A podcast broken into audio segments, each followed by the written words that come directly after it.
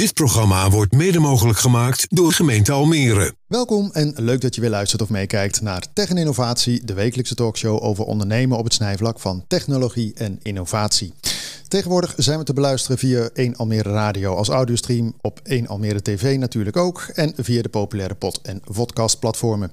Ik ben Ronald de Voert en wekelijks heb ik twee gasten uit de regio. Denk aan start-ups, scale-ups tot de grotere bedrijven en instellingen. Wat drijft hen? Welke lessen hebben zij als ondernemer geleerd? Hoe proberen ze te innoveren? De impact van technologie erbij en natuurlijk worden de nodige praktische tips gedeeld. Vandaag de gast in de studio in het WTC Media Center Almere. Gijs Roelofse, directeur van Stichting Hier TV, over het voorkomen van sociaal isolement door digitalisering, samenwerken in de regio en de impact van Google Feeds en VR op ouderen. En Sander Rijn, eigenaar van de presentatiearchitect, over de kunst van het presenteren voor een publiek, de laatste trends en tips en de helpende hand van AI. Welkom in de studio, heren. Ja, dankjewel. Dankjewel, leuk om hier te zijn. Ja, grappig eigenlijk. J- jij zit helemaal in de presentatiemodus elke dag volgens mij, Sander, of niet? Ja, zelfs als je aan mijn vrouw zou vragen, denk je, joh, je bent niet aan het werk, weet je wel. Dus dat is, eh, dat is zeker het geval. Maar ja, de hele dag. De hele dag eh, aan het eh, praten en anderen daarbij helpen. Oké, gaan we straks verder even op in natuurlijk. Ook, ook ja, ik noemde het woord AI weer. Hè. Dat kan je tegenwoordig bijna niet zonder, eh, Gijs. Is dat bij jou ook? Want jij zit meer in de hoek ook, hè, met nou ja, de brug slaan tussen digitalisering en ouderen onder andere. Is dan ook eh, AI of heb je zoiets van, jongens, laten we het lekker even simpel houden? Nou, professioneel is natuurlijk wel het, het ding. Als je kijkt naar waar onze doelgroep vooral mee zit, dan is het ook, maar dan wel vanuit angst. Oh, nou, angst is niet een hele goede drijver, toch? Nou, soms wel. Je kan ook een eh, gezonde afkeer hebben voor iets of een, eh, of een angst voor iets. Dus angst is, kan soms een goede raadgever zijn. Oké, gaan we dadelijk ook eventjes verder over hebben. We beginnen het programma altijd even met wat jullie is eh, opgevallen bijgebleven op het gebied van tech en innovatie. Nou, bij jou te beginnen, Gijs. Dan wil ik hem eigenlijk wel in dezelfde lijn houden. Want ik heb me toch eigenlijk wel weer verwonderd over de snelheid van nou, waar ChatGPT de afgelopen maanden eh, de wereld veroverd heeft. En kijk, zijn we het een beetje gewend. Hè? We kwamen Facebook, dat, eh, YouTube eerst nog, ging heel snel. Facebook ging nog sneller, Instagram nog sneller, TikTok. En nu zaten er geloof ik in twee maanden tijd 100 miljoen gebruikers. Ja, we gaan het bijna normaal vinden. Dat vond ik wel een bijzondere eigenlijk, eigenlijk ontwikkeling om eh gade te slaan. Maar dat zoveel mensen het oppakken, bedoel je? Ja. Dat zo, Oké. Ja. Kijk, en zoals ik zal natuurlijk wat vertellen, hè, maar wij zitten voornamelijk in de doelgroep voor mensen die moeite hebben met technologie. Nou, en dan is zo'n zo'n tijdpad van twee maanden, ja, dat is, dat is een bizarre snelheid. En Ja. daar staan we denk ik niet vaak genoeg bij stil. Het is professioneel heel erg leuk. Leuk om je over te verwonderen en over alles te hebben. Maar eh, ja, die keerzijde is ook belangrijk. Doe jij veel met ChatGPT? Ja, zeker, zeker. Dus eh, naast Google is dat mijn beste vriend geworden. Ah. Ah. ah, je moet wel kritisch blijven natuurlijk, hè, wat, eh, wat eruit komt. Ik heb mezelf zo ook ingetikt. Dat heb je misschien zelf ook wel eens gedaan. Vertel eens wat over. Zegt hij, ik ken geen mensen, maar als je dan een beetje gaat aanvullen, dan komt er toch iets. En zo bleek ik op een een, eh, een presentatiemodel te hebben ontwikkeld waar ik geen idee van had. Maar daar kwam een heel... eh, dus er klopte 80% van wat er kwam. Maar ik had ook dingen ontwikkeld die, ja, die nog in ontwikkeling zijn. Dus een vooruitziende blik, denk ik, van ChatGPT. Oh, maar je, je hebt dus ergens eh, IP-rechten liggen die je nog niet weet. Dat denk ik, ja. Ja, ik ga ze binnenkort verzilveren. Maar, maar hè, daar komen we straks even op. Maar kijk, het presenteren. Ik, ik, heb al presentaties gezien van mensen dat ik zei: eh, van goh, wat gaaf. En eh, toen zei iemand: ja, ChatGPT heeft dat helemaal bedacht. En ik heb het alleen nog maar gecheckt. Dan Ja. lijkt me het een beetje dat jij ongeveer ja, uitgefaseerd kan worden. Ja, zeker. Dus daarom is het verzilveren van die IP ook wel interessant. Hè? Dan kan ik mezelf uitfaceren. Maar ik weet nog niet hoe jij dat ziet, eh, Gijs. Van die snelheid waar je het net over had, die is er natuurlijk enorm. Die is niet door, ja, die is er. En ik, ik, ik vermoed zelfs voor zij die er wat minder moeite mee hebben, dat het ook al heel snel, eh, snel gaat. En het is ook laagdrempelig natuurlijk. Hè? Ja. Iedereen kan volgens mij ermee overweg. Ik heb er een beetje mee gespeeld, moet ik zeggen. Ja, voor dit, veel, veel van mijn dingen kan, ik- vind ik niet zoveel mee. Maar misschien moet ik toch iets meer doen. Nee, dus bij presentaties waar, eh, waar ik het bijvoorbeeld voor gebruik voor mijn relaties, is onder andere om bijvoorbeeld stellingen te creëren rondom een thema. Om even te vragen, oké, geef vijf prikkelende stellingen rondom dit. En dan krijg je suggesties daarvoor. En dan kun je daarmee eh, mee aan de gang. Dat, is, eh, dat is heel helpend. Wat is jou eh, opgevallen bijgebleven dan? Als we even AI parkeren en ChatGPT Ja, die parkeren we even. Die parkeren we even. Oké, nou, die kunnen dan weg. Nou, afgelopen week is iOS 17 eh, eh, uitgerold door Apple. Dus voor de Apple gebruikers, iPhone en dergelijke. En dat is eigenlijk wel een major update. Ja, want je krijgt op je telefoon regelmatig updates, eh, beveiligingsupdates, dat soort dingen. Maar nu is er echt weer een, eh, een grote mensen-update, zeg maar. En er zit uiteraard weer heel veel spielerij in. Maar ik vind die spielerij altijd wel interessant. Omdat die spielerij vaak al een voorbode is voor wat er op een later moment gaat komen. Ja, want het begint eigenlijk ook met ChatGPT. Het begint eerst met laten we met z'n allen gewoon dingetjes proberen. Presentatie maken is misschien nog niet zo oké, maar ja, het is toch wel even tof dat het zo komt. Maar er zitten bijvoorbeeld ook wat dingen in op het gebied van de gezondheid. De gezondheid-app is bijvoorbeeld, ja, heeft ook een update ondergaan. Maar wat dan? Wat dan? ja, waarin er nu wordt gevraagd naar je mentale, of hoe voel je je vandaag en dat soort type vragen. Er zit ook een vragenlijst in om depressie te meten of angst te meten. En nou, er zal niet ongetwijfeld, daar zit natuurlijk weer iets heel intelligents achter. En als je het op een uh, consistent gaat doen, nou, het is net uitgerold, dus het moet nog eventjes uh, in de tijd blijken, maar het zal ongetwijfeld goed gaan werken. Ja, dan gaat het uh, ook adviezen geven wanneer je wel of niet naar de huisarts moet gaan. Dus dat zijn ook dingen die. En ik, ik dacht, nou, Gijs is hier ook. Dus dat is. Maar dat, wordt wel, dat is even voor jou wel weer een klusje, denk ik. Om gewoon eens onder de knie te krijgen wat Sander beschrijft. Hè? Want dat is, dat is niet helpen van ouderen. Dat is eigenlijk meer een soort technische update. Waardoor nou ja, jouw doelgroep zeg maar gecheckt kan worden misschien. Hè? Dat je zegt, luister, we helpen je niet alleen met de computers.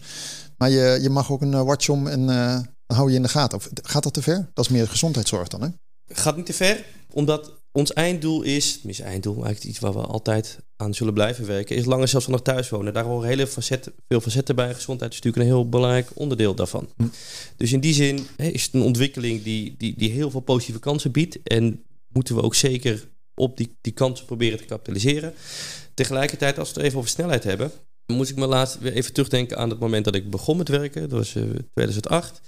2010 uh, had je de eerste grote projecten met beeldcommunicatie in de thuiszorg. Nou, als ik zie de snelheid die dat gehad heeft, is dat niet gelijk aan wat de beleidsmakers gehoopt hebben. Hm. Dus wat je ziet is dat er best wel een grote gap zit tussen de snelheid die je eigenlijk in je privé setting hebt op het gebied van technologie en de mate waarin je het gebruikt voor bijvoorbeeld uh, gezondheid en zorg. Er zijn al heel veel mooie voorbeelden. Hè? Dus uh, we zijn zeker een stuk opgeschoten. Maar had je mensen toen gevraagd of, of laat je naspelen wat men toen had gezegd in 2010, dan waren we een stuk verder geweest dan waar we nu eigenlijk zijn. En waar ligt dat aan volgens jou? Nou, ik denk dat mensen en de maatschappij is toch een stukje taaier dan je wellicht hoopt. En wat wij bijvoorbeeld ook heel erg zien is dat, het is ook een kwestie van willen. Neem nou bijvoorbeeld een, een groep gemiddeld genomen, denk ik 80 plus. Daar zitten toch nog wel wat mensen bij die zoiets hebben. Goh, ik heb mijn leven geleefd en ik heb het nu een heel erg leuk leven. Maar één ding wat ik heel graag nu wil, is er zelf voor me geven. Terwijl daarvoor heb je veel vaker dingen moeten doen. Ja. baas of weet ik veel. Als jij het gevoel krijgt dat jij dingen moet van een instantie en dat moet via een digitale weg, dat roept niet direct een, een, meewerkende houding op. Nee, dan hebben we het eigenlijk ook weer. Dan valt het woord, ja, jij noemde het net ook al, Sander, het woord angst eh, hè, of weerstand, zal ik maar zeggen. Maar kom er zo even op. Even voor uh, even neer te zetten, hè, want je, je zegt al uh, het, het, een en ander over wat je doet. Maar je bent manager gezondheidsbevordering en onderzoek bij de GGD Flevoland. Maar daarnaast ben je ook directeur van Hier TV, waarbij een programma eronder valt. En dat heet Senior Life, wat zich ja. richt inderdaad op het faciliteren van Almere's en Almeerse organisatie wat betreft moderne technologie, zeg maar even. Dus inderdaad het gat tussen techniek en de mens. Ja. Maar ik noemde net al even computerhulp, want ik heb natuurlijk even zitten spieken. Maar wat doen jullie nog meer? Kan je eens even dat neerzetten? Ja, eigenlijk kan je het in twee, twee stromen uiteentrekken. De ene kant proberen we op een heel aantal manieren Almeerders te helpen. Dus niet alleen senioren, weten weliswaar Senior Life, daar hebben we ook wel eens discussie over. Want het oude beeld dat senioren niet met techniek over kunnen gaan en jongeren, dat is gelukkig wel echt achterhaald. Dus we zijn er voor iedereen die 18 jaar en ouder is, die moeite heeft met telefoon, internet, you name it. Allerlei oplossingen voor. En de andere is dat we dus proberen te kijken, als er nou allerlei hele mooie oplossingen zijn, hoe kunnen die dan helpen bij het einddoel langer zelfstandig thuis wonen? Dat is eigenlijk het idee. Maar is die rol niet uh, eigenlijk weggelegd voor, ik noem wat, een overheid of een gemeente? Ja, ik vind het fantastisch dat het er is. Hè, je zegt al 18 plus. Ik bedoel, het is niet een, uh, het is niet senior plus, maar het is gewoon echt een hele grote groep. Ja, 18 plus. Dat is toch een beetje gek dat jullie dat moeten faciliteren. Dan zou je zeggen, ja, dat is eigenlijk iets wat gewoon zo algemeen is. Nou, dan zal ik heel kort schetsen wat de aanleiding is geweest. En dat, dat maakt een stukje de helderder, denk ik. De aanleiding is geweest dat de overheid te maken heeft met een, een zorg systeem wat nou, geprivatiseerd is. We hebben, we hebben marktwerking, kan je een hele boom over opzetten, maar goed, we hebben marktwerking. Dat betekent dat de overheid niet alles zelf kan, hè, dus op dat vlak. Dus daar moet je in samenwerken. En dan ben je als overheid ook een partij. Dus de ontstaansgeschiedenis van de stichting is geweest dat we eigenlijk een onafhankelijke partij wilden hebben die daartussen kon opereren. Omdat de overheid is ook een dienstverlener. Dus de overheid heeft zelf ook belangen en dingen te doen. Daarnaast is zij scheidsrechter en moet zij dingen aanjagen. En dan helpt het soms ook als er een partij ertussen zit waarmee uh, een, bijvoorbeeld een zorgorganisatie niet gelijk het idee heeft, goh, maar ik zit met jouw collega over mijn inkoop te praten. Ja. Dat is een van de aanleidingen waarom het kan helpen om zo'n stichting te hebben. En dan heb jij dus een dubbelfunctie eigenlijk, hè? want je bent dan aan de ene kant bij de GGD Flevoland en ook dit. Hoe is dat, zeg maar? Dat, dat, kan allemaal? Dat is niet een soort van belangenverstrengeling of een gekke twist? Nee, het, het is heel erg leuk. Uh, veel variatie.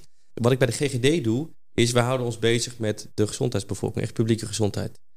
Dus dat is wel echt sec gezondheid. Ik zou willen dat we overigens nog meer met eh, techniek en innovatie bezig zijn met de GGD. Maar goed, dat ben ik natuurlijk vanuit een hele andere hoek wel bij de stichting. Dus daar zit echt wel een, uh, een heel groot verschil in. Ja. Nu zal ik even het een en ander te bekijken. En ik riep net al eventjes Google Feeds en VR. Nou, dat laatste kom ik dadelijk even op. Maar dus behalve de computerhulp komen mensen naar jullie toe en jullie gaan er naartoe, neem ik aan. Het is een beetje een wisselwerking. Maar toen dacht ik Google Feeds. Zegt dat jou wat, uh, Sander? Google Fiets? Nee, ik ben wel op de fiets, maar niet op Google Fiets. is, dat, uh, is dat een soort Google Maps, maar dan uh, op je home trainer of zo? bijna. Oh. Wat je voor je moet zien. Mooi, we kunnen dat, een quiz van maken. Ja, ja, ja. dat er een, een, een bolvormig projectorscherm voor je staat. Je zit op een gewone stoel met een home trainer voor je. op dat scherm wordt Google Street View geprojecteerd. En jij fietst zelf voor de reden. Het is echt met een fiets. Want ik dacht even dat we bedoelden eigenlijk zo'n soort van nieuwsfeed van Google. Oh, feed. Oh, oh feed. Ja, ja feed. Maar we proberen Nederlands te houden. Ja, exactly. En de Google Feeds. Echt gewoon, gewoon zitten naar zo'n schermpje kijken. Maar is dat dezelfde Google... Uh, Google uh, View. Als jij nu naartoe gaat, zie je hetzelfde. Ja. In plaats van dus dat je met je muis doet, fiets je doorheen. Nou, waar is dat nou voor ontwikkeld? Ja. Voor mensen met dementie. En waarom? Eigenlijk twee redenen. Eén, je hebt een een visuele stimuli op basis waarvan of zij getriggerd worden of je het gesprek aan kan gaan. Je kan mhm. ze bijvoorbeeld door een oude buurt laten fietsen. Tegelijkertijd kunnen ze op een hele veilige manier wel bewegen. Dat is namelijk een issue voor als je wat verdere stadia hebt van, uh, van dementie. Dus je hebt fysiek en cognitief stimuli en daar kan je voor mee doen. Kan ik me zo voorstellen dat je kan kiezen waar je wil fietsen? Je, kan je zegt, ik wil nu door Almere fietsen of ik ga van Almere naar Lelystad fietsen. En dat je dan ja, eigenlijk op uh, op de plek waar je gewoon blijft. Hè? Maar je gaat op die uh, home trainer, ga je fietsen en dan zie je het gebeuren. Ja, overal waar de, het autootje van Google geweest is.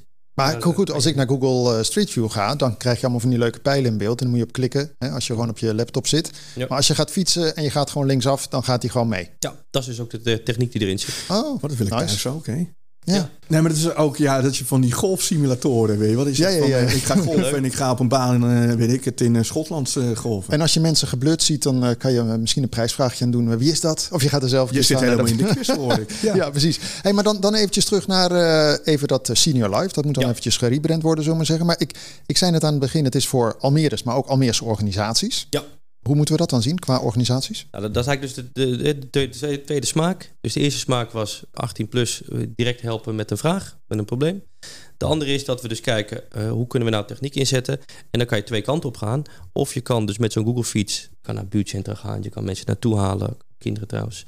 En ze dat laten ervaren. Dat is de ene kant. De andere kant is ook dat je met organisaties gaat kijken. Hey, is dit nou in te zetten in jouw dienstverlening? En wat bijvoorbeeld heel specifiek voor de Google Feeds voor ogen hebben, is dat je de hele beleid is gericht op, zoals van het thuiswonen, zo min mogelijk mensen in een verzorgingstehuis. Alle voorzieningen zijn echter gericht en kunnen gefinancierd worden binnen een verzorgingstehuiszetting, niet thuis. Dus kun je nou niet dit soort toepassingen aan een soort van eh, uitleenmodel organiseren, dat mensen ook, eh, die wat in de doelgroep zitten, daar ook gebruik van kunnen maken. Nou, dat kan een voorbeeld zijn om dus met organisaties te kijken, hey, hoe kan het nou slimmer, anders, beter?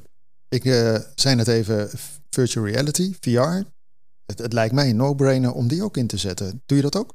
Ja, hebben we, oh, hebben we ook een, uh, ja, weliswaar een pilot, dus dat is nog geen vaste dienst. Hebben we ook een pilot mee gedraaid. Hartstikke leuk, er zijn hele mooie toepassingen voor.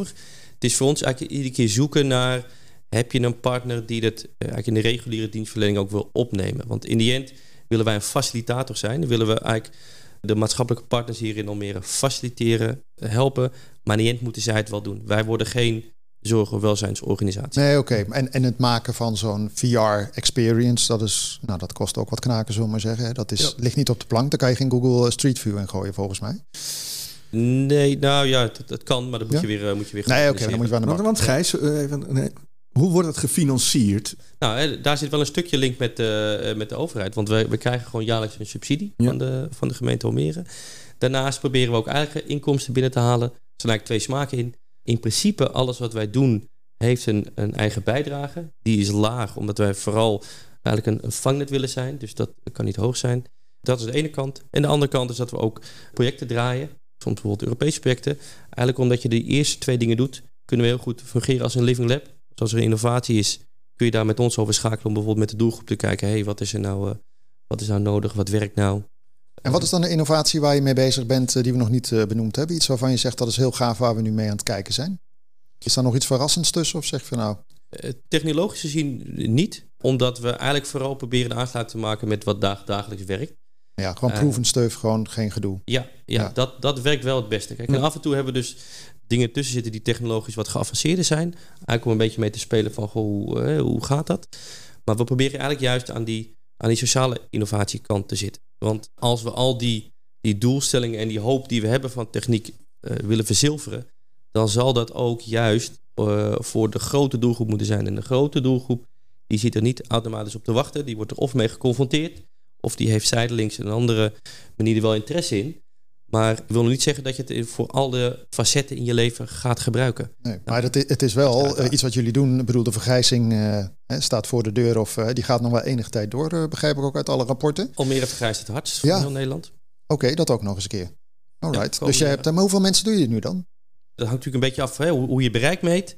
Als je kijkt naar totaal, dus ga ik alles optellen. Dus dan heb ik het even over ehm, de één op hulp. En, de, en met de organisatie zitten we denk ik op zo'n 2000 mensen, denk ik, in individu ongeveer. Ja, die je helpt. En hoeveel mensen, qua medewerkers bedoel ik eigenlijk ook? De medewerkers, we, doen het, we, we hebben een hybride model. We hebben een paar mensen in dienst. Ik heb bijvoorbeeld zelf een dienstverband van 12 uur. Ehm, Dat is, dat, dat is anderhalve dag. ja, dat is niet veel. Maar dat is natuurlijk naast de GGD. Naast de Ja. GGD denk Nee, ik, maar hè? bedoel, dat Ja. vliegt toch voorbij? Ik zeg Ja, altijd, vliegt voorbij. Vliegt als je voorbij. ergens werkt en je werkt ergens twee dagen, dan weet je net koffieapparaat en eh, de toiletten vinden. En dan is het weer Dat voorbij. viel voorbij, dus ik heb geluk dat ik hele goede mensen heb rondlopen. Want anders kan je het net zeker niet doen. Dus we hebben een paar mensen in dienstverband en we hebben een, eh, een grote groep vrijwilligers. En daar doen we het mee. Hm. Eh, waarbij we, en ik geloof ook hoog, heel erg in het model, omdat je ziet dat eigenlijk veel vrijwilligersinitiatieven, en dan met name op die computerhulpkant, die functioneren vaak heel goed omdat zij wat meer genegen zijn of, of gedreven worden door de, door de intrinsieke vraag die, die zij krijgen. Want je, gaat de vrijwilligers doen omdat je het leuk vindt. Bij organisaties wil er ook, soms ook natuurlijk wel eens een andere gedachte aan zitten. Wat, soms ook goed kan zijn hoor. Maar dat maakt soms dat, eh, dat de kloof eh, in de behoefte en het aanbod eh, eh, wat groter is. Tegelijkertijd kan het ook wel heel kwetsbaar zijn. Want een, vrijwilliger kan ja, of bijvoorbeeld weer aan het werk gaan. Of die kan ziek worden. Of die kan Ja. gewoon denken, hey, stop ermee. Wat voor, je- ja, ja. wat voor vrijwilligers zoek je dan? Misschien luisteren wel een. Nou, misschien Sander, voel jij je groep eigenlijk? Nou ja, dat, ik, Jij bent ook een helpende hand eigenlijk. maar ik dan- ben een helpende hand ook. Ja. Dus, Gijs, leg eens uit wat voor vrijwilligers zoek je dan? Misschien pas ik daarin. Hoeveel uur per week? Kan Sander meteen blokken. Het aantal uren is helemaal aan jezelf. Dus daar, we, kunnen namelijk alle kanten op. Wat ik in ieder geval zoek eigenlijk, is mensen die het leuk vinden om andere mensen te helpen. Hm. Want een stukje techniek, dat is wel te organiseren. Want eh, ben je nou helemaal niet tech-savvy, dan gaan we een hoek op waarbij we met, eh, meer met proven technology werken. Eh, vind je het nou heel erg leuk om bepaalde dingen te doen of kan je bijvoorbeeld programmeren? Nou, dan gaan we je bijvoorbeeld naar die Google-fiets eh, bijvoorbeeld trekken. Oké. Hey, even een paar dingen nog. Want we hebben het over Almere nu. Maar eigenlijk, dit, dit, ja, dit kan je net zo goed doen in Zeewolde, Lelystad, eh, you name it. Eh, hoe zit het daar dan? Zitten die mensen verstoken van dit soort eh, ja, faciliteiten, zal ik maar zeggen? Of zijn het weer andere clubjes daar? Of werken daarmee samen? Ik denk dat je in Nederland. ik ken geen ander initiatief die al die verschillende facetten heeft die wij hebben. Die ken ik niet. Wat je eigenlijk in al die gemeentes wel ziet, is dat je op het gebied van die computerhulp. daar zijn combinatie van vrijwilligers, bibliotheek, dat soort initiatieven zijn er. In de ene eh, gemeente wat beter organiseerd dan de ander. Dat is er wel. Als je kijkt naar die organisatie om faciliteren van eh, zorgorganisaties, zijn die er ook. En dat loopt van eh, heel high-end naar Maar goed, dus het wordt voorzien buiten de regio. Jij doet het gewoon hier. Ja. En maar dan eventjes aan het begin had je het over angst. Hè, dan denk ik Ja. altijd, ja, bedoel, je hebt twee smaken in computerland even. Je hebt eh, Microsoft of Apple. Mhm. Als ik in mijn eigen omgeving kijk, eh, dan zie ik dat bij Microsoft men toch wel denkt, oh shit, allemaal aanvallen. Ik moet allemaal alles beschermen en de hele dag door gaat het fout. Bij Mac is dat nog iets minder, omdat ook een kleine marktaandeel heeft natuurlijk. Maar dan denk ik altijd bij angst. Het begint natuurlijk bij, nou ja, dat je dus grip hebt. Hè? En, en als iets lastig is, is het grip op techniek houden. Is het dan niet zo dat je eigenlijk voor, nou ja, jullie zitten 18 plus, maar bijvoorbeeld voor de, voor de oudere mensen, denk ik altijd, maak het gewoon simpelder. Weet je, zo'n Windows-apparaat is gewoon veel, moet je updaten en dan moet je dit en dan moet je dat. Dat is toch veel te gevaarlijk en veel te veel gedoe. Moet je niet gewoon zeggen, we doen een overlay, simpel. Gewoon internet, bellen. Nou, daar heb ik wel een leuk voorbeeld van. We hadden namelijk van de week een meneer die, uh, die, die belde ons en die zei, goh, ja, mijn telefoon doet het niet meer. Nou, hij probeerde uit te leggen, wat hij werkte, belde met een vast telefoon, het ging op zijn mobiel. Nou, telefonisch lukt het niet, dus we zeggen, goed, we komen langs. Wat bleek nou? Meneer had een seniorentelefoon, dat is eigenlijk in de basis een Android. Daar draait een skin overheen, maar die skin die, uh, wilde niet opstarten. Dus hij snapte zijn hele telefoon niet. Nou, we zorgen dat die skin weer draaide. Ineens kon hij zijn telefoon weer gebruiken. Wat je dus ziet, is dat ah, interfacing is heel erg van belang. Maar er is geen interface die voor iedereen eh, werkbaar is. Nee, maar zo'n simpele interface als wat je zegt op de telefoon. Hè, voor, voor de ouderen met een paar buttons en that's it. Die zou je ook op een, uh, ja, juist de knikkers maar dat, dat, die zou je toch ook op een computer kunnen doen? Nu moet je alles er nog wat inklikken. Die zijn er ook. Die zijn er ook. Maar dat, dat is dan de oplossing misschien wel om in ieder geval heel veel angst en ja, dat soort dingen weg te nemen. Ja. Alright. Hey, het, uh, laatste vraag even aan jou, uh, Gijs. Want jullie zijn lekker bezig. Het groeit, neem ik aan. Nou ja, 2000 mensen al hopen. Dat vind ik ook uh, geen kleine aantallen, zal ik maar zeggen. Nou, in ieder geval niet in de doelgroep vooral. Hè. We, we zitten echt wel in de, in de groep die, die wat kwetsbaarder is. Ja, dus dat... maar als je dan even kijkt, bijvoorbeeld, hè, want Sander zegt net, zoek je nog mensen, weet ik wat, dan denk ik, ja, marketing-wise. Is het nog dat je zegt, ik zit overal op Facebook? Nou ja, goed, ik weet niet of iedereen op Facebook zit tegenwoordig of op Insta. Moet je ook allemaal weer op zitten. Maar hoe, hoe zorg je dat je zoveel mogelijk bekendheid krijgt dan? Nou, uh, naast mij is de, hebben wij dus, ik zei hè, nog, nog wat mensen in die verband. En eentje is, uh, doet de communicatie. Dus ja, wij, wij, wij zitten ook op al die, uh, al die platformen.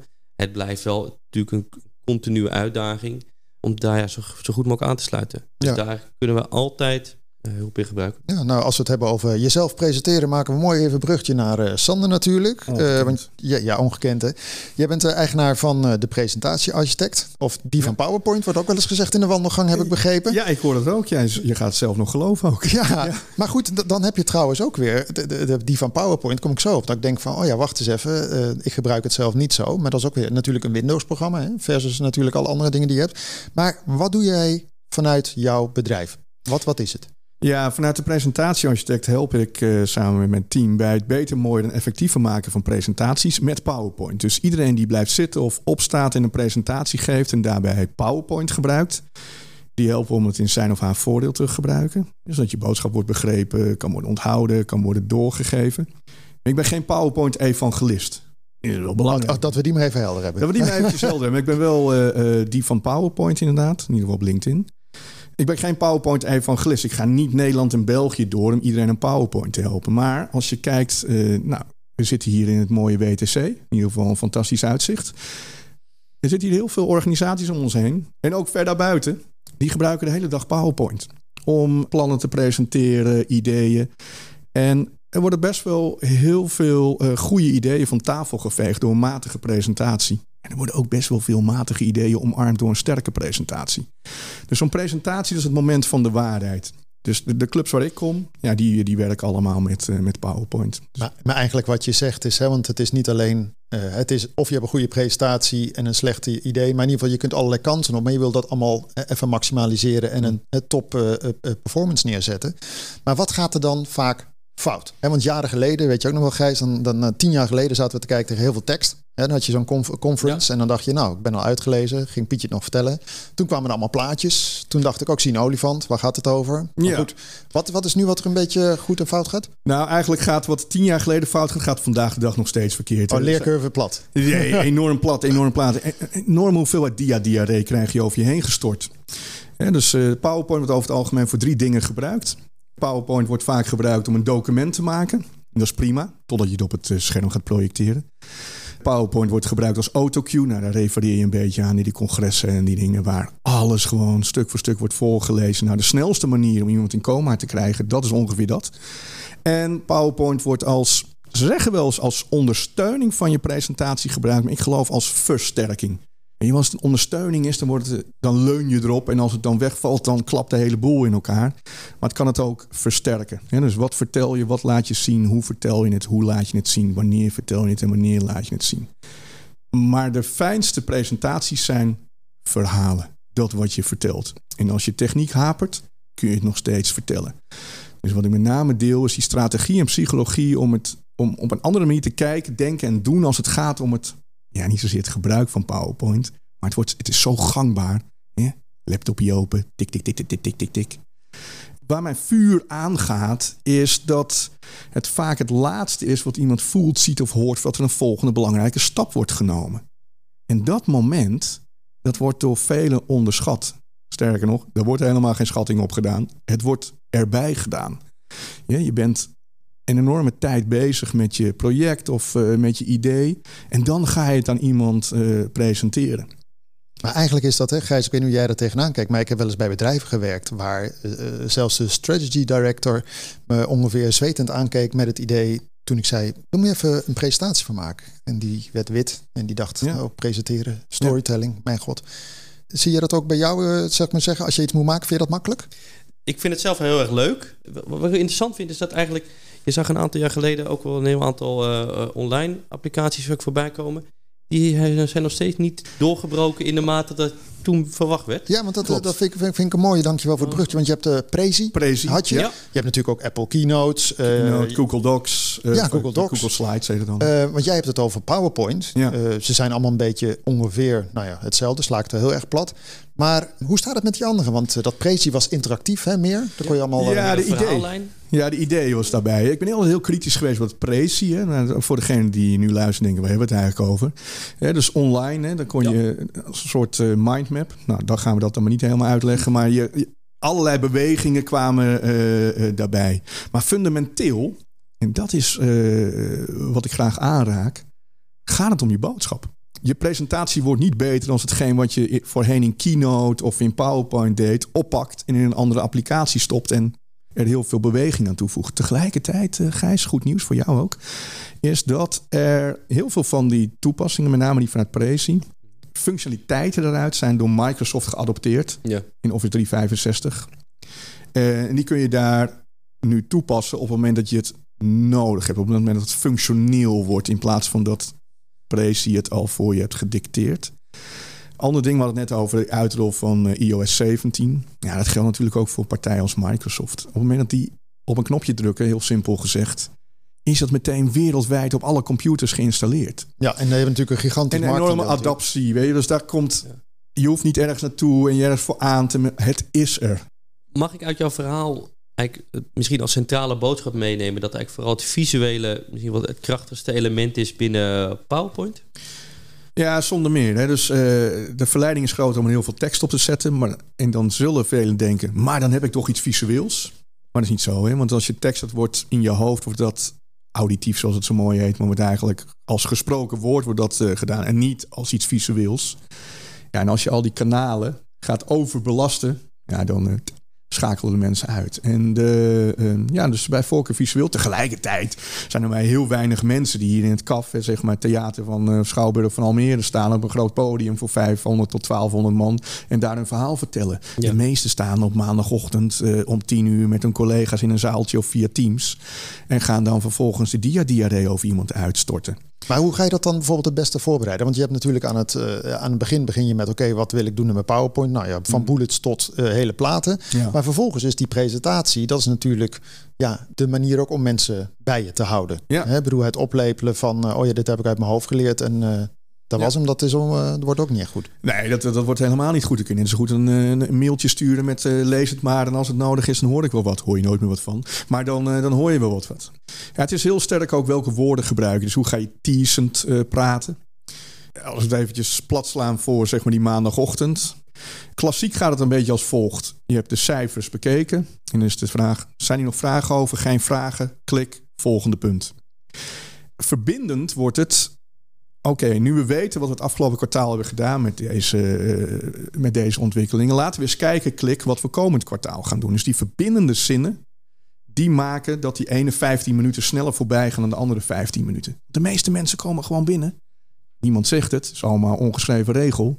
Ik ga luisteren en het is allemaal prima. Maar mijn brein is met hele andere dingen bezig. Dus er gaat heel veel gaat er verloren. En dat is. Uh, maar goed, dan, dan gaan de dingen verloren. Maar ik heb ook nog wel eens uh, dat ze zeggen: we delen deze presentatie. Ja. En dan krijg je zo'n presentatie waar je niks verder mee kan doen. Dan denk je leuk, ga plaatje rippen of iets anders. Maar dat mag dan allemaal niet. Maar goed, dan heb je die. Maar dan, dan denk ik soms, oh ja, wat was dat ook alweer? Want dan heb je dus vier platen van een olifant en een kat en een tafel. En dan denk ik, ja, wat was het verhaal erbij? Dus dan denk ik, dan moet je, er niet, moet je daar ook niet anders mee omgaan. Want... Ja, dus het zijn eigenlijk twee dingen. Ik vertel net over het document, die autocue, nou die kunnen we weglaten, en die presentatie. En het document en die presentatie is dat wat je deelt en dat wat je vertelt. En dan zouden we zeggen in het zaaltje voor het gemak.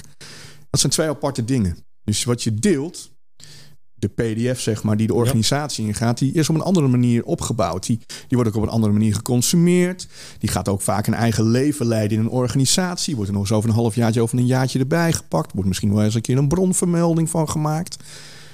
Maar op het moment dat jij iets presenteert en ik zou het ook volledig kunnen begrijpen zonder dat jij erbij bent, dan ga je je afvragen of het wel nodig is om bij elkaar te komen.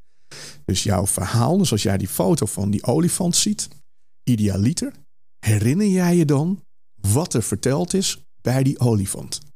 Maar als je deelt voor mensen die er niet bij waren, of laten we zeggen om het in het archief op te slaan, en dan moet je op een andere manier je document of je presentatie gaan inrichten. Dus hoe ga je hem delen? Een hele belangrijke vraag. Oké. Voor wie is het bedoeld en wat is je boodschap? Waarom ben jij hier zo mee eh, begaan? Het is toch, eh, je bent geen PowerPoint-ambassadeur in de zin van dat je door Microsoft eh, als evangelist bent ingehuurd. Maar ja, er zit wel een hele grote passie in. Er zit een enorme grote passie. En het zit hem in, als jij een idee hebt wat het waard is om verspreid te worden. Kijk, zolang jouw idee in je hoofd blijft, dan is het iets in jouw hoofd. En een idee wordt zeg maar werkelijkheid of kan anderen in beweging zetten op het moment dat je het gaat delen met de buitenwereld. Ja, dat, dat is wat mij, eh, mij drijft. Dus ik krijg, ik kreeg eigenlijk medelijden in het. Maar 18 plus is al voldoende grijs, maar ik ben ook wat grijs op de slapen. Maar ik kreeg medelijden op een gegeven ogenblik toen ik eh, mensen een presentatie zag geven. En die zag ik worstelen. Terwijl je zou ook medelijden kunnen krijgen met degene die de presentatie moet ondergaan. Maar ik kreeg met name zeg maar, een soort van medelijden, mededogen. met die persoon die die presentatie aan het geven was. Ik zeg: Potverdorie, je hebt toch gewoon hele mooie ideeën, maar het komt niet over. En de oplossing is, wat mij betreft, niet om dan PowerPoint uit te zetten. Maar PowerPoint krijgt wel vaak dan de schuld. Hè? Want ja, dat is dan dat. Dat is hetzelfde dat je Word de schuld geeft van een slecht boek. Of Outlook de schuld geeft van een e-mailtje wat je hebt binnengekregen waar je niet helemaal blij mee bent. En, en, ben je dan blij hoe de gemiddelde student tegenwoordig van de opleiding afkomt? Wat is jouw beeld daarvan, hoe, uh, hoe dit wordt meegenomen in het onderwijs? Heel matig. Eigenlijk moet er een vak zijn, presenteren. Ja, in Amerika is dat gewoon standaard. In, in, in Amerika is standaard. Dus zeg maar public speaking of wat dan ook. Vraag je in Amerika op straat iemand om uh, ergens een reactie op te geven. Je krijgt iets uh, wat je meteen kunt gebruiken. In Amerika is dat heel gang. Dus public speaking is er heel gang. Maar als je nou naar het onderwijs in Nederland kijkt... en eigenlijk hoe het nu is, is niet zoveel anders als hoe het ooit was. Is het uh, toch wordt er gekeken, oké, als je het over een opstel hebt, het moet uit zoveel woorden bestaan. Dus dat, eh, laten we zeggen, het moet. Dus als jij het kort en bondig kan vertellen, uh, uh, dat wordt niet gewaardeerd. Letterlijk dan, hè? dus daar krijg je niet de waardering voor. Het is, je, je, je houdt een spreekbeurt. Ik heb liever dat je hem gaat geven. Mhm. Dat je hem houdt, dan is hij van jezelf. Maar het is ook een mindset. Hè? Dus hoe ga je dat. Maar als Nederlanders zijn we daar, zeggen wij altijd, eh, niet zo goed in. Maar voor mij is het gewoon een kwestie van trainen. Kwestie van trainen. Ja. En uh, in mijn geval zijn het trainingen uh, op het gebied van PowerPoint, niet de knoppentraining van waar is een knopje, dat weten de meeste mensen wel. Maar hoe ga je dat uh, uh, gebruiken en wat ga je vertellen? Niet klassieke presentatietraining, maar altijd in combinatie met, uh, met PowerPoint. Mensen is te trainen ja. en, en doen. En maar dan eventjes aan het begin hadden we het over AI. En zeker. en, zeker Microsoft heeft natuurlijk dat in, in hun Bing-browser omarmd. En in alle producten zit het ongeveer verweven. Dus je hoeft eigenlijk, wat ik aan het begin zei, bijna niks meer te doen. En ja, there you go. Maar is dat dan niet meteen ook, ja, dat is als je niet weet hoe je een verhaal moet vertellen, je vertrouwt op AI, dat is ook best scary, zou ik zeggen. Wat vind jij daarvan? Zeg je van, nou, dat vind ik een hele mooie ontwikkeling, want daardoor wordt het beter? Ja, ik vind het een hele toffe en mooie ontwikkeling, want daardoor ze zeggen wel eens nu van het is een hulpmiddel, maar een hulpmiddel wat al heel veel van jouw uh, werk kan doen. Alleen als ik jou nu een kookboek geef van een sterrenkok met daarin alle ingrediënten en dit moet je doen, nou, als je het in ieder geval aan jou geeft, dan komt iets fantastisch uit. Geef je nou, dat zou ik niet. Uh... Ja, dat weet ik eigenlijk ook niet. Maar als je het aan mij geeft, ja. dan wordt het toch anders. Hè? Dus het is niet een kwestie van, oké, dit is je script, want daar komt het dan. Nou, sterker nog, op het moment dat je script wordt, ik pleit graag voor vanzelfsprekendheid. En dat betekent dat op het moment dat je weet wat je wil gaan vertellen, wat je boodschap is, dan komen je woorden vanzelf.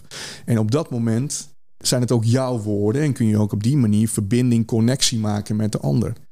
Vandaag de dag, en we zitten nu in 2023, dus het kan zomaar later anders zijn. De systemen worden slimmer, vanzelfsprekend, zou ik bijna willen zeggen. Je herkent op dit moment heel althans ik en velen met mij herkennen heel duidelijk wanneer iets door een, zeg maar, een robot, een JetGPT is uh, samengesteld als het gaat om uh, tekst of presentatie.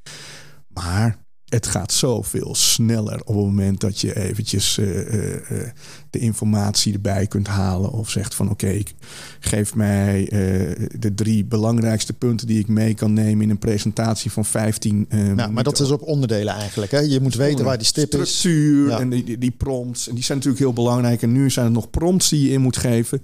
Maar Microsoft is ook bezig met ontwikkelingen die eraan zitten te komen. Bijvoorbeeld als Copilot. Ja, dat is, uh, dat is mega wat ze daarmee. Maar wat is dat? Ja, ze hebben het geïntroduceerd, geannounced, zeg maar, uh, publiek gemaakt in uh, maart dit jaar. Copilot, dat is volledige integratie in Office 365, waarbij je, nou laten we het heel makkelijk houden. Dat is wat, wat ik heb gezien. Nou, stel we zitten in een Teams meeting. En tijdens de Teams-meeting uh, aan de intonatie uh, weet uh, Copilot wat belangrijk is of niet. Maar ook als we bijvoorbeeld zeggen: Oh, Gijs, hartstikke mooi. Dus jij gaat volgende week vrijdag, kom je daarop terug? Ja? Er zijn een natuurlijk gemaakt actieplannetje voor jou, ligt al klaar. Je deelt een document bijvoorbeeld over een, een, rapport wat je hebt, hebt gemaakt. Je kan op een knopje drukken. Alles op de knopjes natuurlijk. Hè. Je zegt: Maak hier een presentatie van. Dit is uh, de plek waar de data staat. Waarschijnlijk weet Copilot het al, hè, waar het allemaal staat. Maar dan wordt de, de, de data uit Excel wordt erbij gepakt. Vanuit Outlook, uh, de mailwisselingen. Die Eigenlijk is het een Alles wordt uh, geïntegreerd. Ja, oké. Okay, ja, even gelet ook op de tijd. Hoor, ja. Anders dan, maar dat is wel interessant. Dus het is eigenlijk een soort kok. Hè, als we het over receptenboek hebben. Het, het, het bundelt van alles en het maakt fantastische gerechten in de vorm van presentaties. En allerlei integraties in je nou ja, andere systeem. Ja, Mag en, op die analogie even verder gaan? Want dat insinueert voor mij ook dat je dus iedere keer eten, in die alles wordt dus de hele tijd presentaties. Ik zou zeggen, dat doet op een gegeven moment ook af aan de ontvangstbereidheid van de groep. Want als jij de hele tijd presentatie op je afgegooid krijgt, dan moet op een gegeven moment die lat wel heel erg hoog zijn. Wil jij een keer getriggerd worden door een presentatie? Ik weet dat niet, maar als we in die, uh, in die kook-idee blijven maken, ja? of die recepten, zou ik eigenlijk willen zeggen, er zijn mensen die kunnen eten maken. Mm -hmm. En er zijn mensen die kunnen koken. En degene die kan koken, die weet ook waar het zout en het peper erbij moet. Dus ja. er zal altijd daarin. Uh, Oké, okay, co-pilot. Co-pilot. Ja, co-pilot. Die moet je ook vastleggen als IP-recht. Oh, hey, dat, uh, voordat we heel uit de tijd lopen, aan het einde van het programma vraag ik altijd even de gasten waarop je verheugt. Komende week, weken. Nou, Gijs. Uh, nou, heel persoonlijk, ik heb vanmiddag het uh, verjaardagsfeestje van mijn dochter van zeven. Dus daar ah, ja, dat wordt leuk. Heel erg leuk op. Ja. Um, ik zal jouw presentatie uh, uh, tips meenemen naar zodat ik al die kinderen die, die voor mij. Uh, oh, je moet een presentatie staan. geven. En je, nou, ik moet ze in ieder geval een beetje bij de les houden. Ik zou lekker met z'n allen op zo'n Google Fiets gaan zitten. ja, dat is, dat is zeker leuk. Um, meer professioneel. We gaan, volgende week gaan we het hebben over conferentie DigiWijzer. Daar heb ik heel erg veel zin in, omdat het een samenwerking is tussen de bibliotheek, tussen de schoor, tussen ons. Eigenlijk om het digitaal vangnet in Almere wat beter uh, bekend te maken en uh, aan te laten sluiten bij de burger. Daar heb ik heel veel zin in. En jij, uh, Sander? Nou, over een, uh, een week of twee hebben we ons uh, bedrijfsuitje. Hoeveel mensen heb jij eigenlijk? nou, bij de, bij de Academy, PPT Academy, zitten we met z'n drieën. Maar met bij PPT Solutions van het presentatiehuistek, waar we ook presentaties maken, zitten we met afgerond 30 mensen. Jeetje. En we gaan ergens heen waarvan we het nog niet weten waar. We krijgen de hele dag krijgen we hintjes doorgestuurd ja. en kunnen we puntjes verdienen. Bedenken die wel zelf? Of, uh... Nee, ik ben daar niet. uh, nee, nee, nee. Maar nee, dat gaan we over twee weken doen. Dan gaan we twee oh. dagen op pad met elkaar. Uh, dus dat, daar verheug ik me enorm op. Het is enorm leuk om met elkaar ja, leuk. buiten het werk bezig te zijn. Is ook zo. Hartelijk dank Gijs Roelofse, directeur van Stichting Hier TV. Nou, Senior Live. We gaan het even omdopen tot iets anders natuurlijk. En ook succes natuurlijk bij alle zaken bij de GGD in Flevoland. Dankjewel. En Sander Rijn, eigenaar van de presentatie Architect. Nou, uh, dank voor het delen van al je insights en uh, de inspiratie die we hebben opgedaan. We, we, hebben een hoop huiswerk, denk ik, Gijs. Uh, mocht je presentatie willen gaan maken, dan ga je toch nadenken. Denk. Wat zei Sander? Ja, dit neem je toch wel mee. ja, ja. Ik, ja, en ik blijf over die fiets. ja, oh ja, dat ga jij weer doen. Jij bedankt voor het kijken, dan wat luisteren naar deze aflevering van Tegen Innovatie. graag tot de volgende keer. Dit programma werd mede mogelijk gemaakt door gemeente Almere.